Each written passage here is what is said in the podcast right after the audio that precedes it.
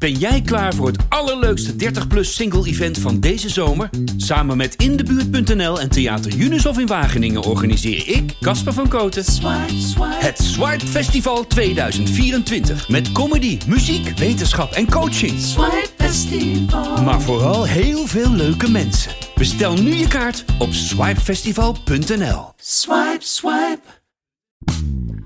Dit is Caspers nieuwe de Volkskrant. Casper spreekt af. Column nummer 3. Onhandige knuffel. Omdat alle datingplatforms willen dat je foto's uploadt, is het hele systeem primair op uiterlijk gebaseerd. Voor begin twintigers met foodblogs en gymverslavingen snap ik dat het zo werkt. Je spreekt af met de strakste billen of sixpack. Maar voor een vijftiger die zijn eigen billen al een tijdje niet meer heeft gezien, is het fijn als er meer is dan uiterlijkheden.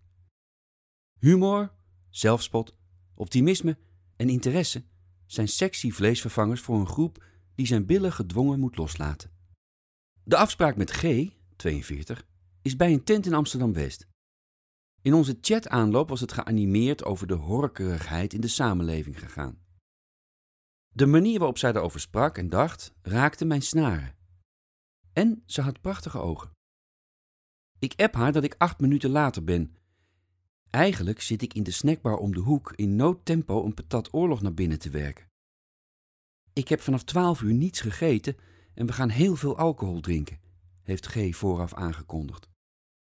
Ze heeft de hele week gewerkt als een buffel en is klaar om helemaal naar de tering te gaan. Is zo'n boodschap grappig of juist sneu? Ik moet haar zien om dat te weten. Ze zegt dat ze niet weet of ze nog acht minuten in die tent gaat blijven.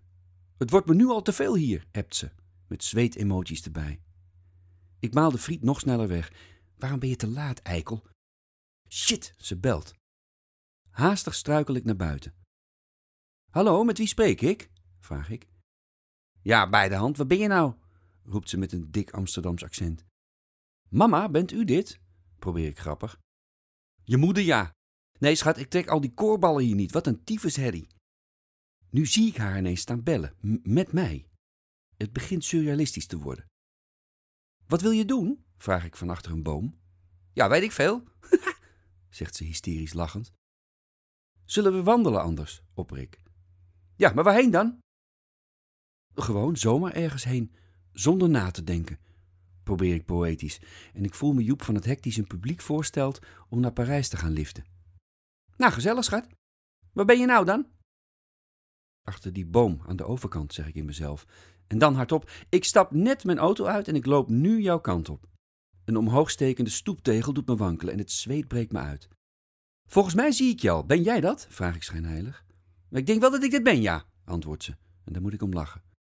Ze ziet me nog niet, zie ik. Oeh, roep ik zoals oma deed als ze bij ons aan de deur stond. Ik zwaai zullig. Ze loopt naar me toe. Onhandige knuffel. We lopen door de geel verlichte straten. Grote, oneindig diepe ogen heeft ze, waarvan alles achter schuil kan gaan.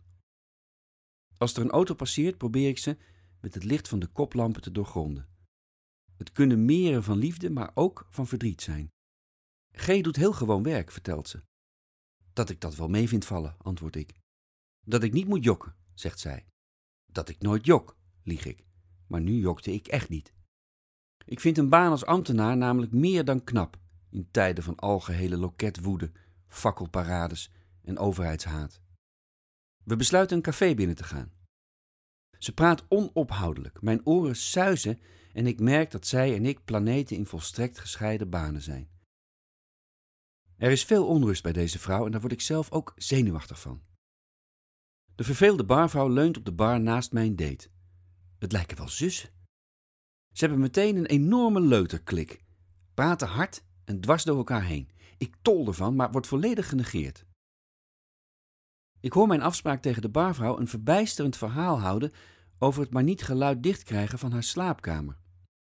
Duizenden euro's heeft ze geïnvesteerd in verkeerde gordijnen, lekkende triple-A-ramen en met merkloos peurschuim volgespoten buitenmuren. Onder haar slaapkamerraam zit een café, haar bovenbuurman schreeuwt de hele nacht en ze kan van zichzelf al nooit in slaap vallen. Daar heeft ze zware pillen voor, maar daardoor wordt ze dan weer niet wakker. Ondertussen giet ze de ene na de andere amaretto naar binnen. De barvrouw geeft G het nummer van een hoge pief bij de gemeente. Leuke gozer ook. Ik krijg een knipoog van de barvrouw, die ik daarna tegen G hoor fluisteren. Leuker dan die saaie drol. Dat is mijn cue, denk ik opgelucht. En kondig aan dat ik maar weer eens ga. Ik moet nog rijden. Stuur je wel een tikkie? vraag ik. Nee joh, weet je wat parkeren kost? Ik bedank en zweef als de gelukkigste vrijgezel op aarde terug naar mijn auto. Ik ga keihard Dreamer van Supertramp draaien en daarna heerlijk slapen. Dit was Casper Sleek. Afvraag tot volgende week. Een date verstandig.